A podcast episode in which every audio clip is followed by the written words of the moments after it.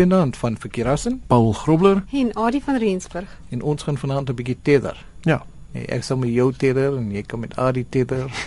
Mm. of liewer met ons selfone of ons rekenaar. Want dit is waaroor tethering ja. gaan, nee. Dis eintlik uh, data koneksies kan jy maar sê, Paul. Dis reg, ja. ja. Hierdie hierdie laat my net dink, ek kan nie ek sal dit nooit vergeet nie. Ek het 'n uh, ons is by 'n uh, by mense gewees en 'n dametjie stap na ons toe en ek ons is besig om met vir mekaar iets te stuur oor ons selfone en sy sy stap so en sy vra "Haai, is julle nou besig om te paar?" ja. Uh. Nou ja, so tethering is nou weer 'n nuwe woord wat baie mense dalk nou nie ken nie, maar ja, dit uh, dit het ook met 'n uh, tipe van 'n paring mm. te doen. Ehm um, so dis 'n data koneksie uh, wat jy byvoorbeeld op jou selfoon het wat jy dan nou deel met ander apparate byvoorbeeld jou tabletrekenaar, jou skootrekenaar. Ehm um, meestal gebruik mense dit nou nie aldag nie. Dis nie dis nie regtig nodig nie. Uh, dood eenvoudig omdat jou cellulêre uh, data uh, heelwat baie kan kos. Natuurlik iemand wat 'n data bundle het, ja. uh, hmm. kan kan dit gebruik want ek wil of hy nou dit uh, vir een net vir een uh, van sy ehm um, rekenaars gebruik en of hy al sy apparate daaraan hmm. koppel maar dis seker uh, ook nie alle selfone wat uh, wat tethering toelaat nie. Die hmm. jongstes wel die nuwe ja die, ja. die die, die smartfone hmm. soos hulle die slimfone. Hmm. kan almal tether. Ehm um, die die ouer fone het nog nie geleer om te tether nie. Hulle weet nie wat dit beteken nie. Nee.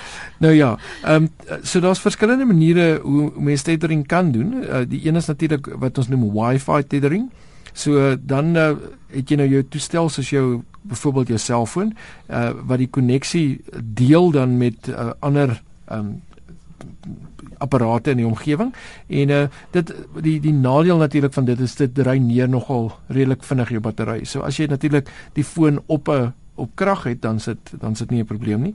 Um maar hy word dan nou letterlik soos 'n roteerder. Dis effektiewelik wat hy hmm. wat hy is. Dan kry mens wat mens noem Bluetooth tethering. Dis wanneer jy dan nou net een toestel uh, die koneksie mee laat deel. Nou want Bluetooth gee jou net 'n uh, enkel koneksie en uh, dit uh, eet natuurlik ook minder van jou battery op as Wi-Fi. Dan kry mens USB tethering wat natuurlik die vinnigste spoed vir jou gaan gee. Uh maar mens sal die skootrekenaar met 'n USB kabel moet konnekteer aan die selfoon. So dis maar tipiese koneksie. Dan kry mens natuurlik ook derde party tethering apps en sommige derde party tethering apps uh, is is wel beskikbaar uh, daar is 'n paar daar buite en dan kry mens reverse tethering uh, dis wanneer jy 'n mens jou skootrekenaar se internetkonneksie met jou selfoon wil deel deel mm. uh, en dit is veral handig as daar net kabel um, Ethernet koneksies is en geen Wi-Fi nie. So Ja, want as 'n Wi-Fi is kan jy self van maar direk so toe. Dis reg, ja. Ja. So dit is 'n ook 'n tipe manier hoe jy die die ding net kan omdraai. Nou Android Android uh, bedryfstelsels het uh, natuurlik ingeboude Wi-Fi tethering. Dis reg, ja. En uh hoewel dit uh, dis enabled mag wees in die meeste gevalle is dit dis nie definitief nie iets wat net van self aanskakel nie. Ehm um, kan mens na jou uh, settings toe gaan, um, more options. Dit hang natuurlik ook af van wat 'n Android um, jy het.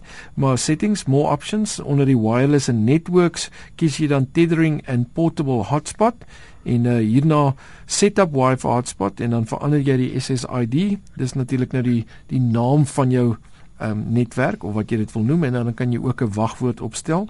Uh, jy kan die sekuriteit los op WPA2 PSK want dit is 'n redelike goeie um, enkripsie en uh dan uh, na die konfigurasie van die hotspot behoort dit beskikbaar te wees vir gebruik. En uh, natuurlik uh, ja, ek wil jy wat lekker is wat ek van my van my Android hou is natuurlik jy kan ook kies of jy enige uh, apparaat wil toelaat en of jy net sekere apparate wil toelaat ja. en dan kan jy hulle MAC addresses um registreer op jou foon. Soos wat jy met 'n gewone uh, router ook kan maak. Ja, en ja. dit gee net vir jou ekstra sekuriteit dan op die op die einde van die dag.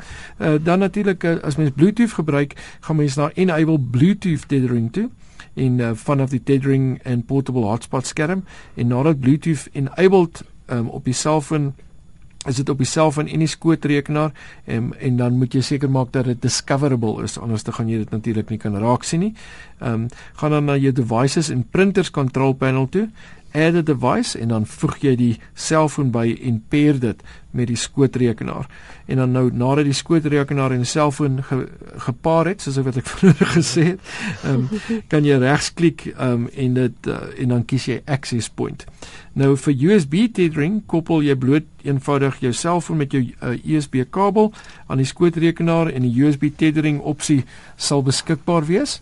Um, en dan enable dit dan op jou foon met uh, en 'n nuwe netwerk adapter sal verskyn in Windows wat jy dan kan gebruik.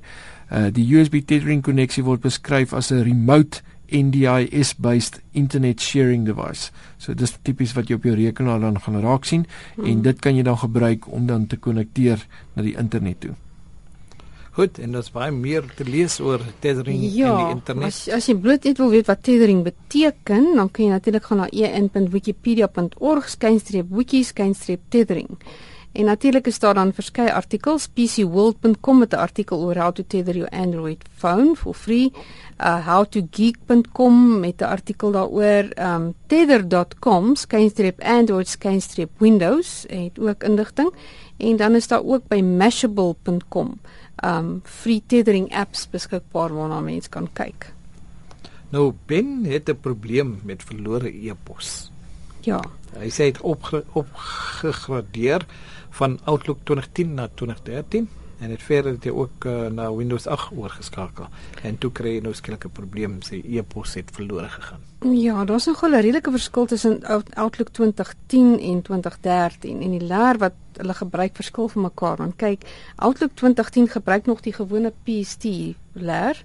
Ehm uh, maar 2013 gebruik soos 'n uh, uh, uh, .ost leer want dit is mos nou eintlik aanlyn. Hmm. So dit is die daar's heel wat verskillende goed. So om te gaan kyk wat wat uh wat daar gebeur kan daar's 'n lang webwerf hierso social.technet.microsoft.com en um en um die ding dit wil sê um as jy dit nou sien en maar sou terugvat na 2010 toe sê jy nou sien en maar weer al jou e-posse kon sien. So dit is dit is moontlik um want dit kan wees wanneer hy die wanneer hy verander wanneer hy die PST omskakel na die .ost dat daar goed kan fout gaan. Hmm. En dan kan, kan jy nou nie ja. Kan jy die naam verander nie ja. of die byvoegsel verander nie. Ja.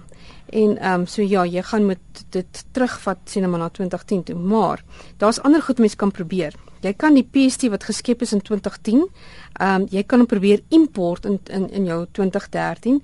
Ehm um, hoopelik het jy hom iewers op 'n backup beskikbaar of 'n rugsteen kopie en um en hou dan maar net nog steeds 'n rigsteen kopie daarvan. En um dan kan jy byvoorbeeld gaan na die webwerf www.howtooutlook.com. Um dit is 'n baie oulike webwerf met baie inligting wat 'n mens wat 'n mens kan help.